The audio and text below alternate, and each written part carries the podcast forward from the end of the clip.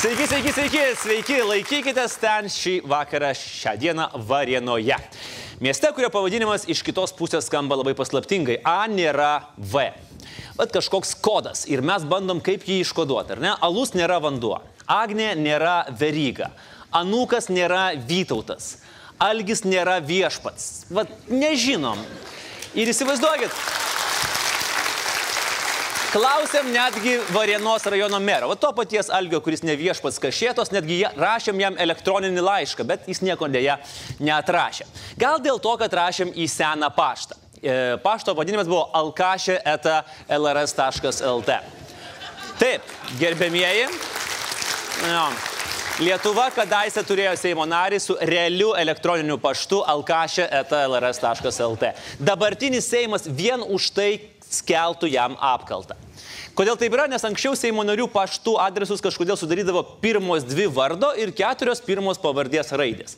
Tai, kad tokios sistemos nėra šiandien, labiausiai džiaugiasi dabartinio Seimo nariai Algymantas Dumbrava, išvengęs oficialaus pašto aldumb eta lrs.lt, Dainius Kepenis su dakepe eta lrs.lt ir Naglis Puteikis su naputė eta lrs.lt. Hmm. A, kita vertus, Zbignevo Jedinskio paštas zbied.lrs.lt, Viktoro Rinkevičiaus virink lrs.lt ir Gabrieliaus Landsbergio galant lrs.lt realiai atitiktų tai, ką jie daro su savo mandatais. Bet grįžkime prie Varienos rajono mero Algio Kašėtos, kuriam priklauso dar du įspūdingi pasiekimai.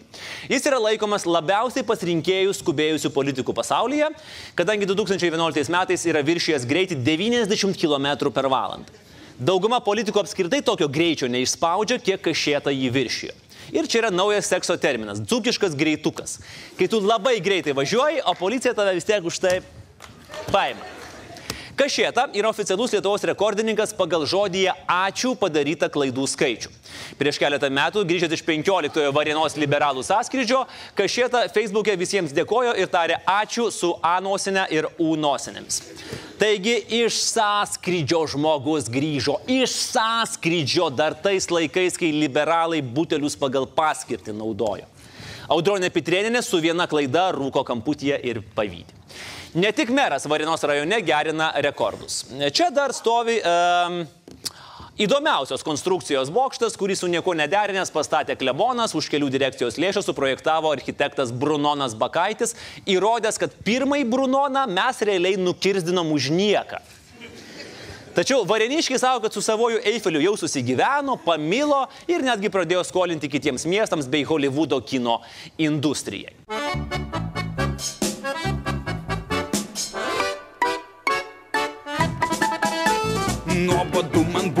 Kaime amžinai tupėt Keulės prižiūrėt, vo, bliaudimą girdėt Nutariau tada svetur aš laimės paieškot Užžiūri savo turną sumedžiot Iš Varinos bokšto besišaipantiems Vilniečiams norėčiau priminti, kad jūs turite amžinai stovėsinti vamzdį ir tuoj turėsite 17 m geležinį koplytstulpį prie Seimo.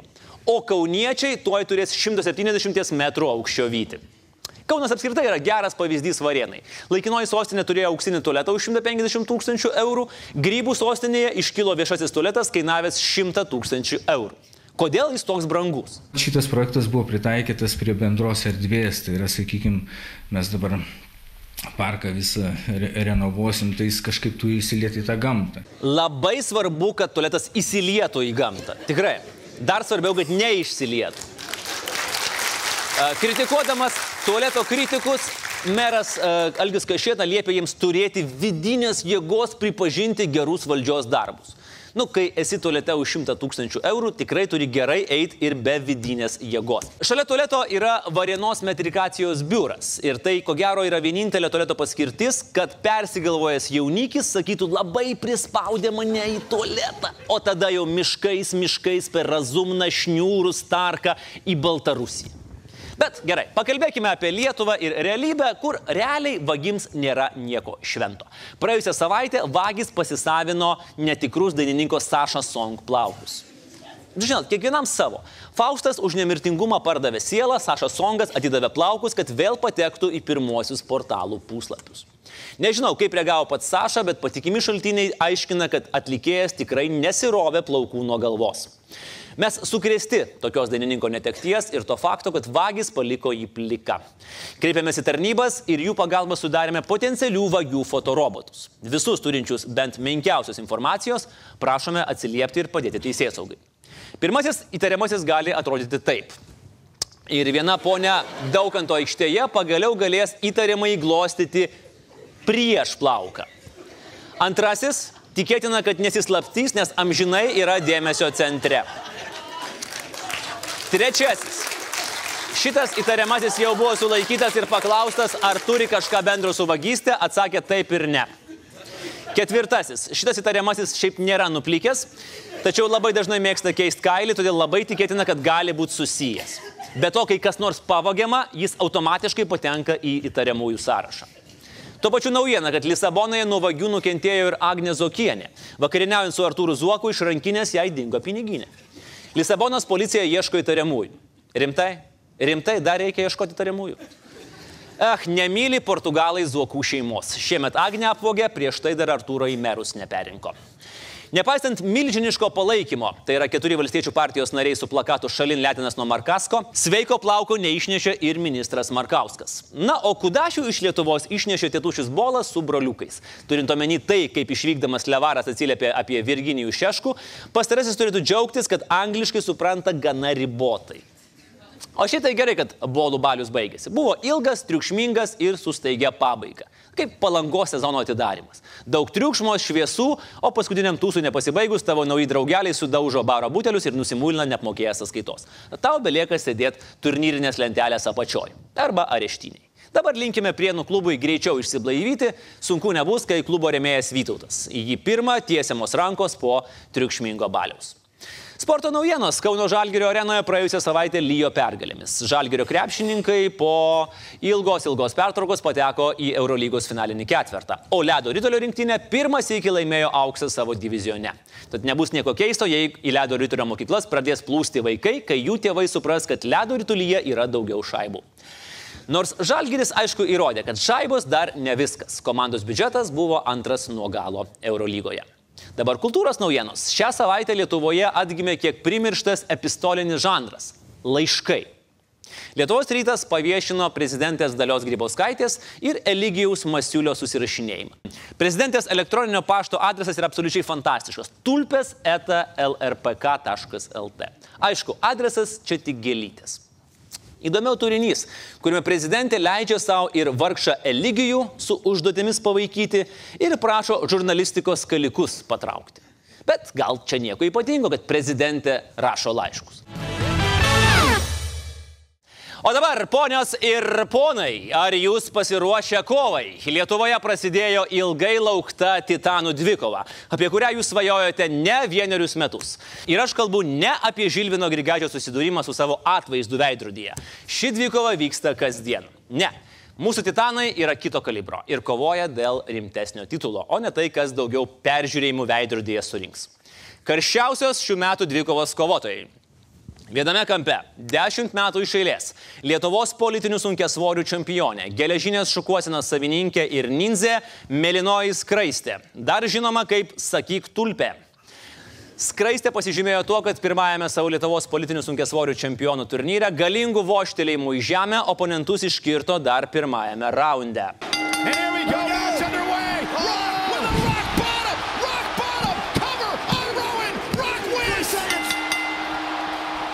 Antrame turnyre susirėmė su raudonuoju baronu, kurį irgi iškirto sausai. Dabar baronas, sėdėdamas Europarlamente, laukia geresnio darbo pasiūlymo. Neaišku, ar čytina, ar balčytina.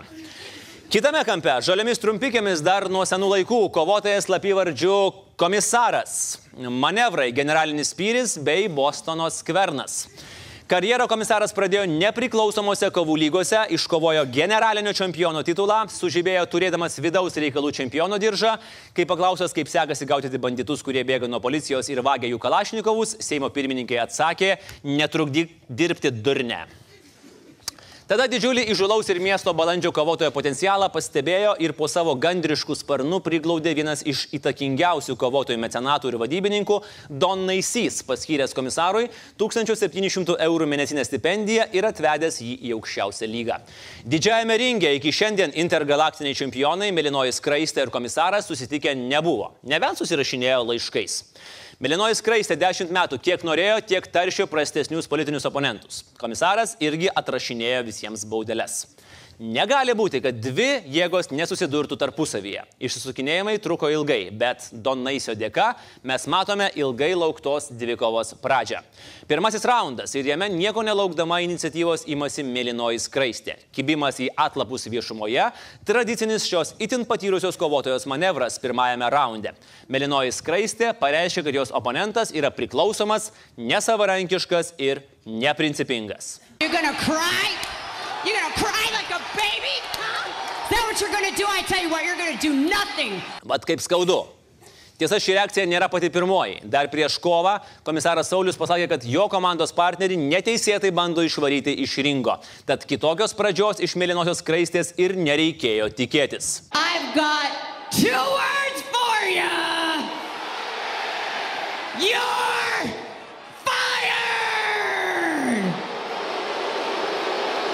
Antrasis raundas prasidėjo tiesioginiu komisaro skverno generaliniu spyriu mėlynajai skraistėjai. Argumentas e, visiškai, mano galva, nesuderinamas su teisinės valstybės principais, kada žmogus dėl profesijos, kurios, kuria, kurios metu jisai vykdo sąžininkai ir dorai savo pareigas, jam yra už tai užkertamas kelias tapti ministru, tai nėra argumentas teisinis. O dabar sustokim sekundėlį.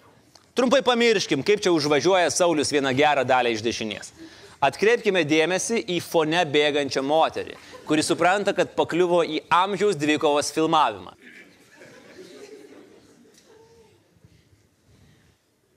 Tas skubėjimas ir taip pat supratimas, kad, wow, pakliuvau į kadrą, yra fantastiškai žavus. Ir ta šipsenėlė pabaigoje. Faktiškai visai kaip komisaras Saulis premjero pareigose. Įbėga energingai su polėkiu, o paskui kažkur visą tai dinksta. Trečiąjį raundą komisaras pabandė atlikti rizikingą jėgos veiksmą, iššoko į Milinosios kraistės rinko kampą ir susikvietė ambasadorius pasikalbėti apie politiką Rusijos atžvilgių.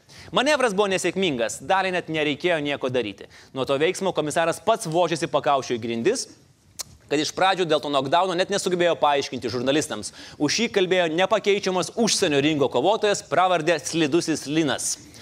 Ir tik dienos pabaigoje komisaras tyliai išlemeno mano ir prezidentės požiūrį į Rusiją sutampa. Tada gavo dar vieną smūgį žemiau juostos, tiesiai į savo Markauską, suklupo ir atrodė jau viskas. Bet štai netikėtumas. Teisėjas ruošiasi skelbti nokautą, kai mėlynoji skraistė staiga paslydo ant ringan išmestos tulpės. Donais jis pašoko ant kojų, o komisaras užsimojo lemiamam smūgiui. Ar išsisuks iš Bostono skverno melinoji skraistė, sužinosime jau kitoje kovų be taisyklių lietuviškoje serijoje. Likite su mumis.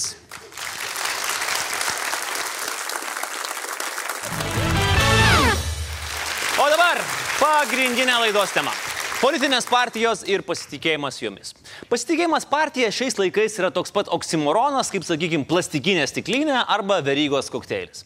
Ne veltui, anglų kalboje žodis party reiškia ir partiją, ir vakarėlį. O, baby, kokie jie yra teisūs. Kokius vakarėlius rengia lietuviškos partijos.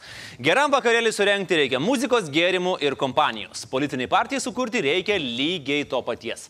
Ir rezultatas dažniausiai būna toks pat. Po vakarėlio ar po partijos ilgai reikia tvarkytis ir valytis dėmes. Pirmasis partinis vakarėlis Lietuvoje įvyko 1896 metais, beje, gegužės pirmą dieną, tai su gimšio socdemai. Tik klausimas net neaišku, kuriuo sveikinti. Va toks visiškas pasimetimas, įsivaizduokit, atvarai gimtadienį, ne? atsineši viskučio, alaus, ten čipsų, atsivedi tik iš matymo pažįstamų merginų ir susipainiojai būtais, o ten vaikų šventė, kur stipriausias gėrimas limonadas diušės, o labiausiai atsipalaidavusi moteris yra solenizanto močiutė. Vat sunkus tom partijom. Kažin ar Andrius Domaševičius, kuria būte vyko pirmasis socdemų tūsas, tikėjosi, kad po 120 metų jo palikuonis net negalės pasižiūrėti vienas į kitą. Arba kaip dainuoja Beastie Boys, Beastie Boys tai yra darbinis Kirkilo ir Bernatonio pseudonimas, You gotta fight for your right to socdem party. You gotta fight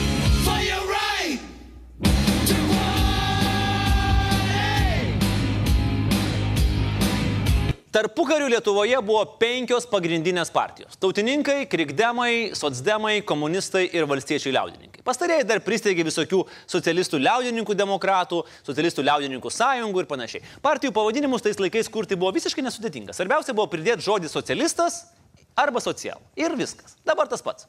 Žiūrėkime, tvarka ir socialistinis teisingumas. Tevinė socializmas, Lietuvos krikščionys demokratai.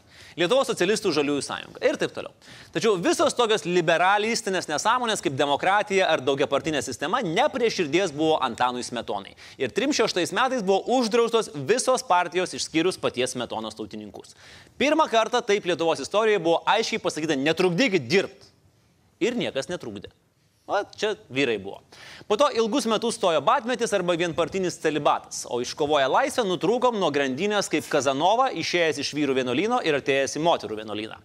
Per 28 metus turėjom tiek partijų, kiek buvo laidos Duokim garo sezonų, aiškiai per daug. Veiksmo daug, garo kaip nėra, taip nėra. Tik kvapas. Na, teisingai sako liaudės patarlė. Kas partijoje įstojęs buvo, tas cirkė nesijuokė. Partinė sistema vystėsi kaip kolektyviniai sodai. Na, žinot, jaunimas ten nelabai mėgsta rankas teptis, o babytės nuo ryto iki vakaro ten tose soduose. Kai kurios politikus senėjo metas pasodinti, o jie vis tiek kaip pikžolės plinta. Viena pirmųjų 90 metais įsikūrė Lietuvos humanistų partija, kurios lyderis ponas Leopoldas Taraškevičius vėliau nusivylė politiką ir tapo Lietuvos bitininkų konfederacijos vadovu. Dabar vašką gaunu tiesiogiai, nebereikia spausti šūdo, komentavo sprendimą jis. Žemaitijos partija ir jos mirtina konkurentė Žemaičių partija buvo ir tokios. Kartu žemaičiai sukibė rankomis, turim, kad būtų sustatyti saugikliai, kad žemės nieks negalėtų supirkti tūkstančiais hektarų. Bus tas pats, kas įvyko Izraeliai, kas įvyko su Palestina. Žemė supirko žydai ir palestiniečiai karas kiek metų. Politika 101. Taip pat Lietuvoje buvo gyvenimo logikos partija, smulkaus ir vidutinio verslo partija, reformų partija, tautos vienybės, tautos prisikėlimo, tautos pažangos partija. Kauno savivaldybės vairuotojas įsteigė emigrantų partiją. Pabėgęs į Rusiją bankininkas Romanovas žmonių partija. Sporto rūmų bufetininkė Kristina demokratinė darbo ir vienybės partija. Jos vyro medžioklių draugeliai socialdemokratinė darbo partija, tik be žodžio vienybė, nes suskaldžius sosdemus net jiems neužteko naglumo kalbėti apie vienybę, lol. Fronto partija, kurią įkūrė antivalstybininkas Paleckis. Pensininkų partija, kurios lyderis Vytautas Kadžys buvo sovietų karininkas, jam gyvenimą realiai nepriklausomybę suėdė, o rinkimus jis kažkodėl ėjo ne su pensininkais, o su mūsų vargoliais naciukais iš nacionaldemokratų partijos. Šustauskas vadovavo Lietuvos laisvės sąjungai, po to pervadino ją į kovotojų už Lietuvą sąjungą, o gulinti ant žemės sąjungos pavadinimą pasimė kas? Zuokas. Žodžiu, ar dar kyla klausimas, kodėl pasitikėjimas partijomis mažėja? Pasaulis kiekvienam gyvenimo atveju bando sukurti apsą, Lietuvoje kiekvienam gyvenimo atveju jau yra sukurta po partiją. Nors dar yra sričių, kur galima pasireikšti. Be Valinsko klounų, kurie linksmai pradėjo ir liūdnai baigė, netgi normalios pašaipų partijos neturėjo. Nu, tokios pavyzdžiui kaip Kanadoje.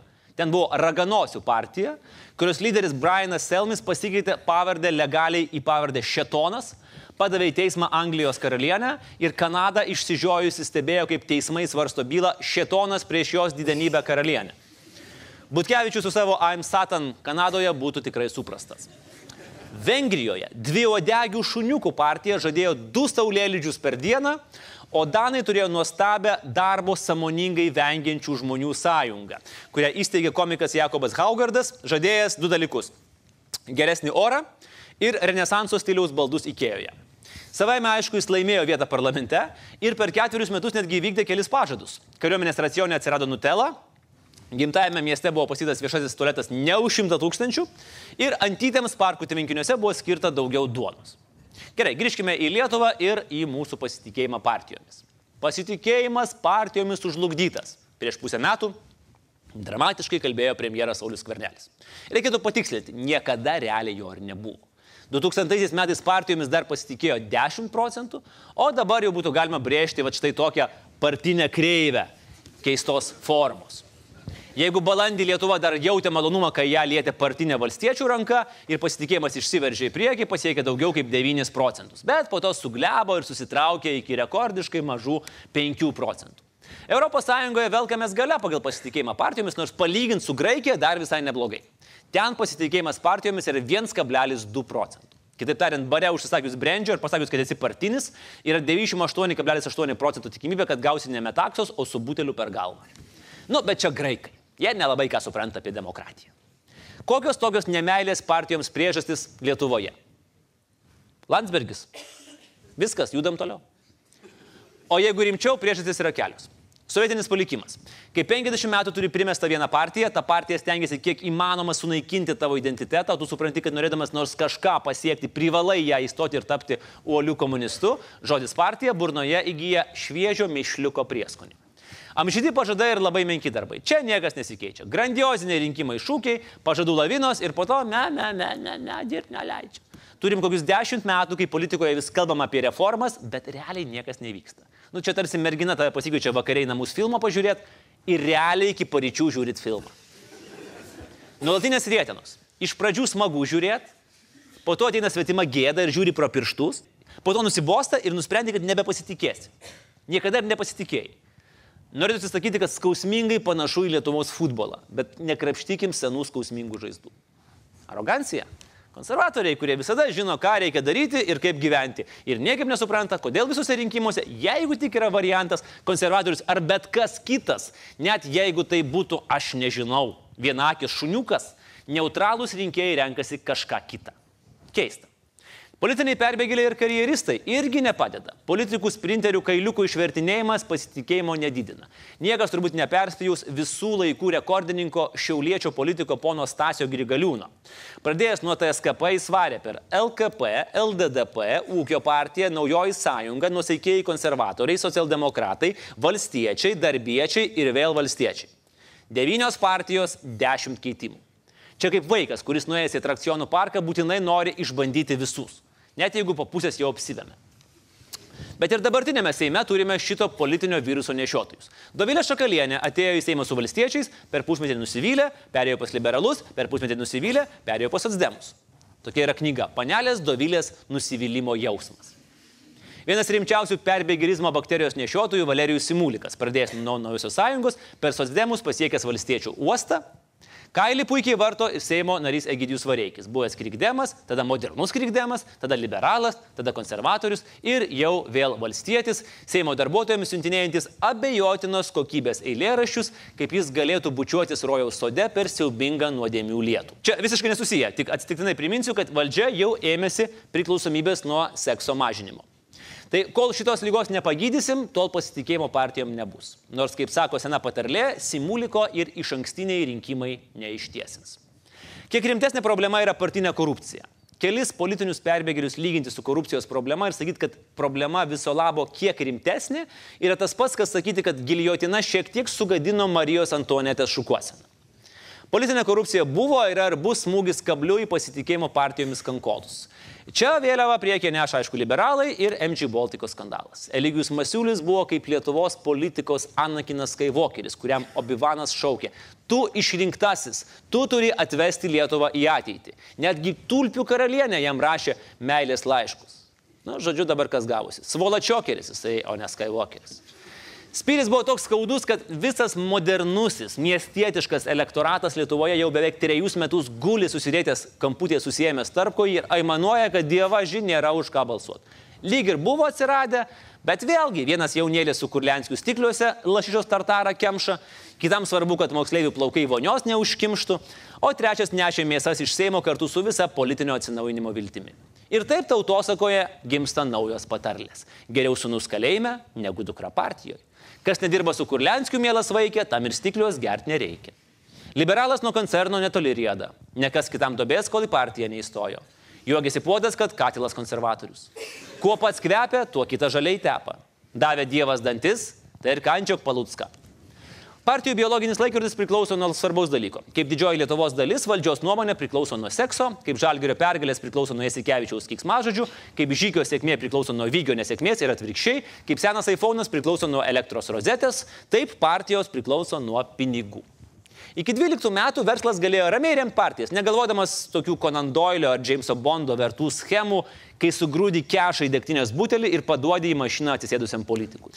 Vienas didžiausių ankstyvųjų oligarchų, Bronislavas Lubys, pinigus politikams trupino kaip batoną žvirbliams. Visiems po truputį. Panašiai elgėsi kurį laiką MG Baltikas. Iki draudimo remti partijas jis skiria liberalams ir konservatoriams apie po 100 tūkstančių eurų, sozemams 30, zuokininkams 20, valstiečiams ir tvarkiečiams ten patrupino po 11 tūkstančių. Lyg ir visiems buvo gerai.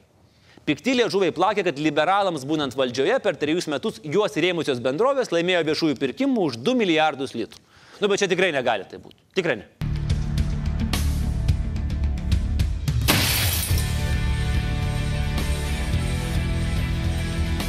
O korupciją nušluosime su trenksmu. Paskambink man ir pasakysiu kaip. Balsuok už liberalus ir viskas bus gerai.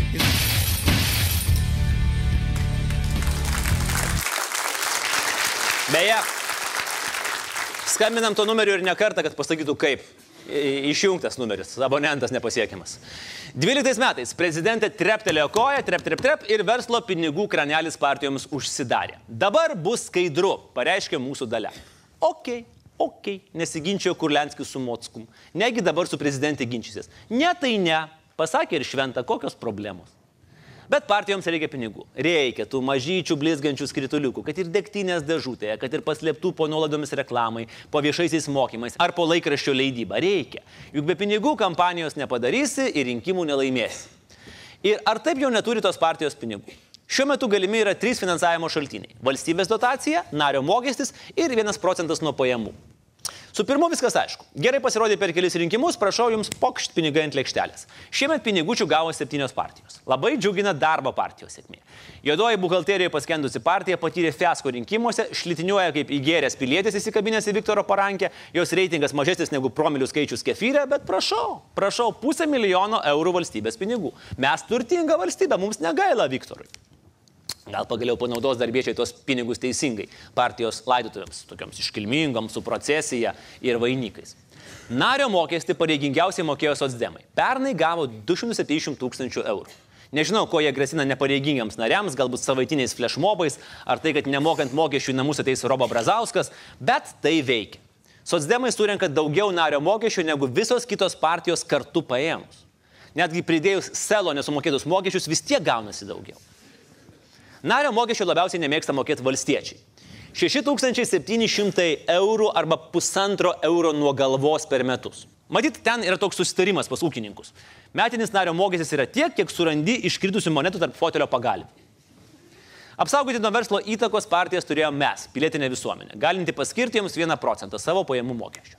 Čia lyderiai konservatoriai. Žmonės paskiria jiems daugiau kaip ketvirtį milijonų eurų, tai tikrai galima sauliaisti ir kurlenskį pietomis stikliuose pavaišinti. Nu, be deserto. Liberalų rėmėjai susiparino, kad partija liko be 106 tūkstančių eurų ir pernai skyrė dvigubai daugiau nei neteko Masiulis - 230 tūkstančių. O šitie tai geri. Jeigu Džekas Kerdikas, Fredis Krugeris ir Charles Mansonas būtų liberalai, jų simpatikai vis tiek rėktų, kad viskas bus gerai, būkit mūsų prezidentai. Valstiečiai nei patys mokesčio moka, nei iš rėmėjų gauna. Dešimt kartų mažiau nei konservatoriai. Bet kam valstiečiams pinigai, kai jie turi tris dalykus - fantaziją, naisių vasarą ir agrokoncerną. Darbo partija ir tvarka ir teisingumas nei nario mokesčių, nei vieno procento nesurenka. Na, sunku tikėtis pilietinės visuomenės palaikymo, kai tu šaudai pasieniečių šunis. 85 procentai jų pinigų ateina čiulpiant valstybės papą, atjungkik ir viso gero. O kai rublio kursas ir taip kritęs, tai ir iš ten bus ne kažką. Bėda, partijos iš taško gautus pinigus neprašiau negu girtuoklis pašalpa kaimo parduotuvėje. Juk kiekviena save gerbinti partija turi surenkti vasaros sąskritį. Nu, tokį, kad būtinai padainuotų ten bent mango ar cicinas, su fejerverkais dangu ir dalyvių pakiuose, su flashmobais. Eh, partijos sąskrydžiai. Vien dėl jų laukiam vasaros. Viena partija už 50 tūkstančių eurų perka, perka kanceliarinių prekių, kita už 15 tūkstančių suvenyrų jubiliatams. Žodžiu, fantazijos partijoms netrūksta. Sakoma, kad kai iš namų išeina žmona, ateina tarakonai. Kai išeina partija, ateina populistai. Tai jau patyrė italai, olandai, prancūzai, graikai nuo komiko Bepe Grilo iki Gerto Wilderso, atrodančio kaip peraugusio kūdikio vaškinė figūra, kuriai kažkas sugalvojo uždėti labiau sulaižytą Donaldo Trumpo perūką.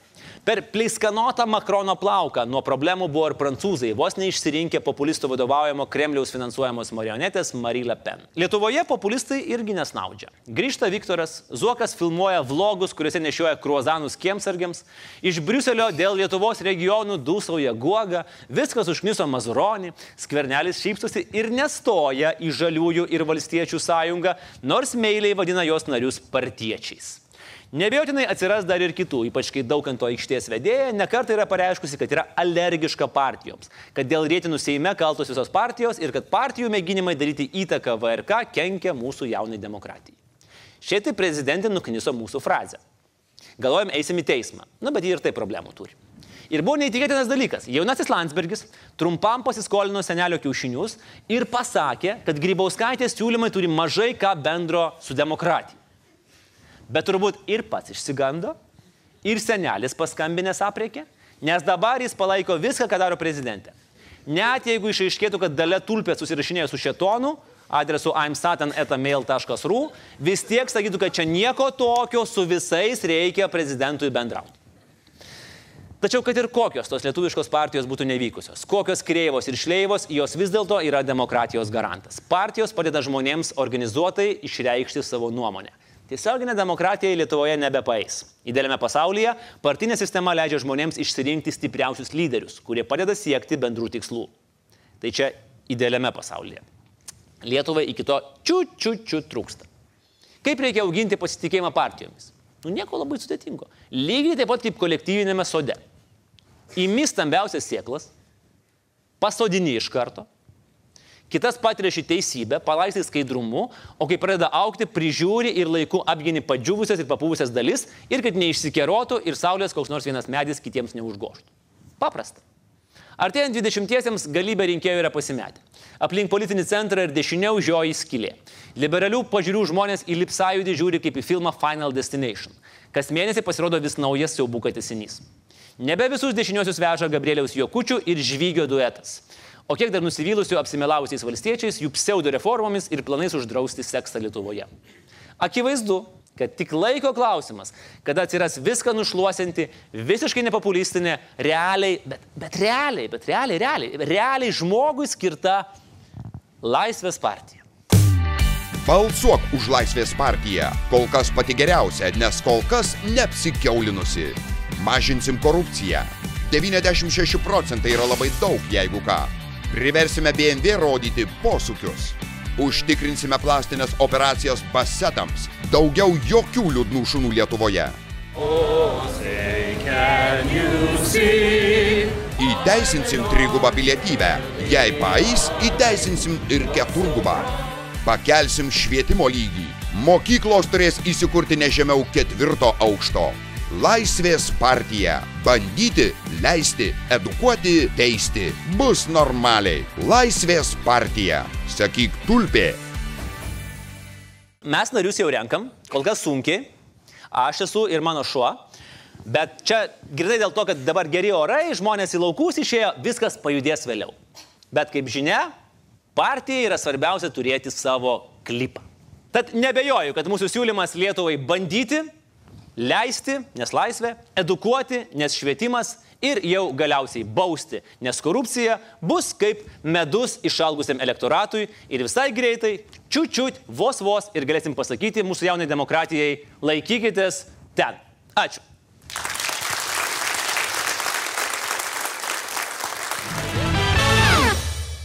Ir tai jau buvo viskas šio vakaro, laikykitės ten. Ačiū visiems žiūrėjusiems, ačiū buvusiems Varinoje, ačiū mano svečiams. Likite su Laisvės televizija, žiūrėkite mūsų kitas laidas, remkite mus, prenumeruokite ir būkime kartu ne tik internete, bet ir kitur. Ačiū, iki ir laikykite ten visi. Iki.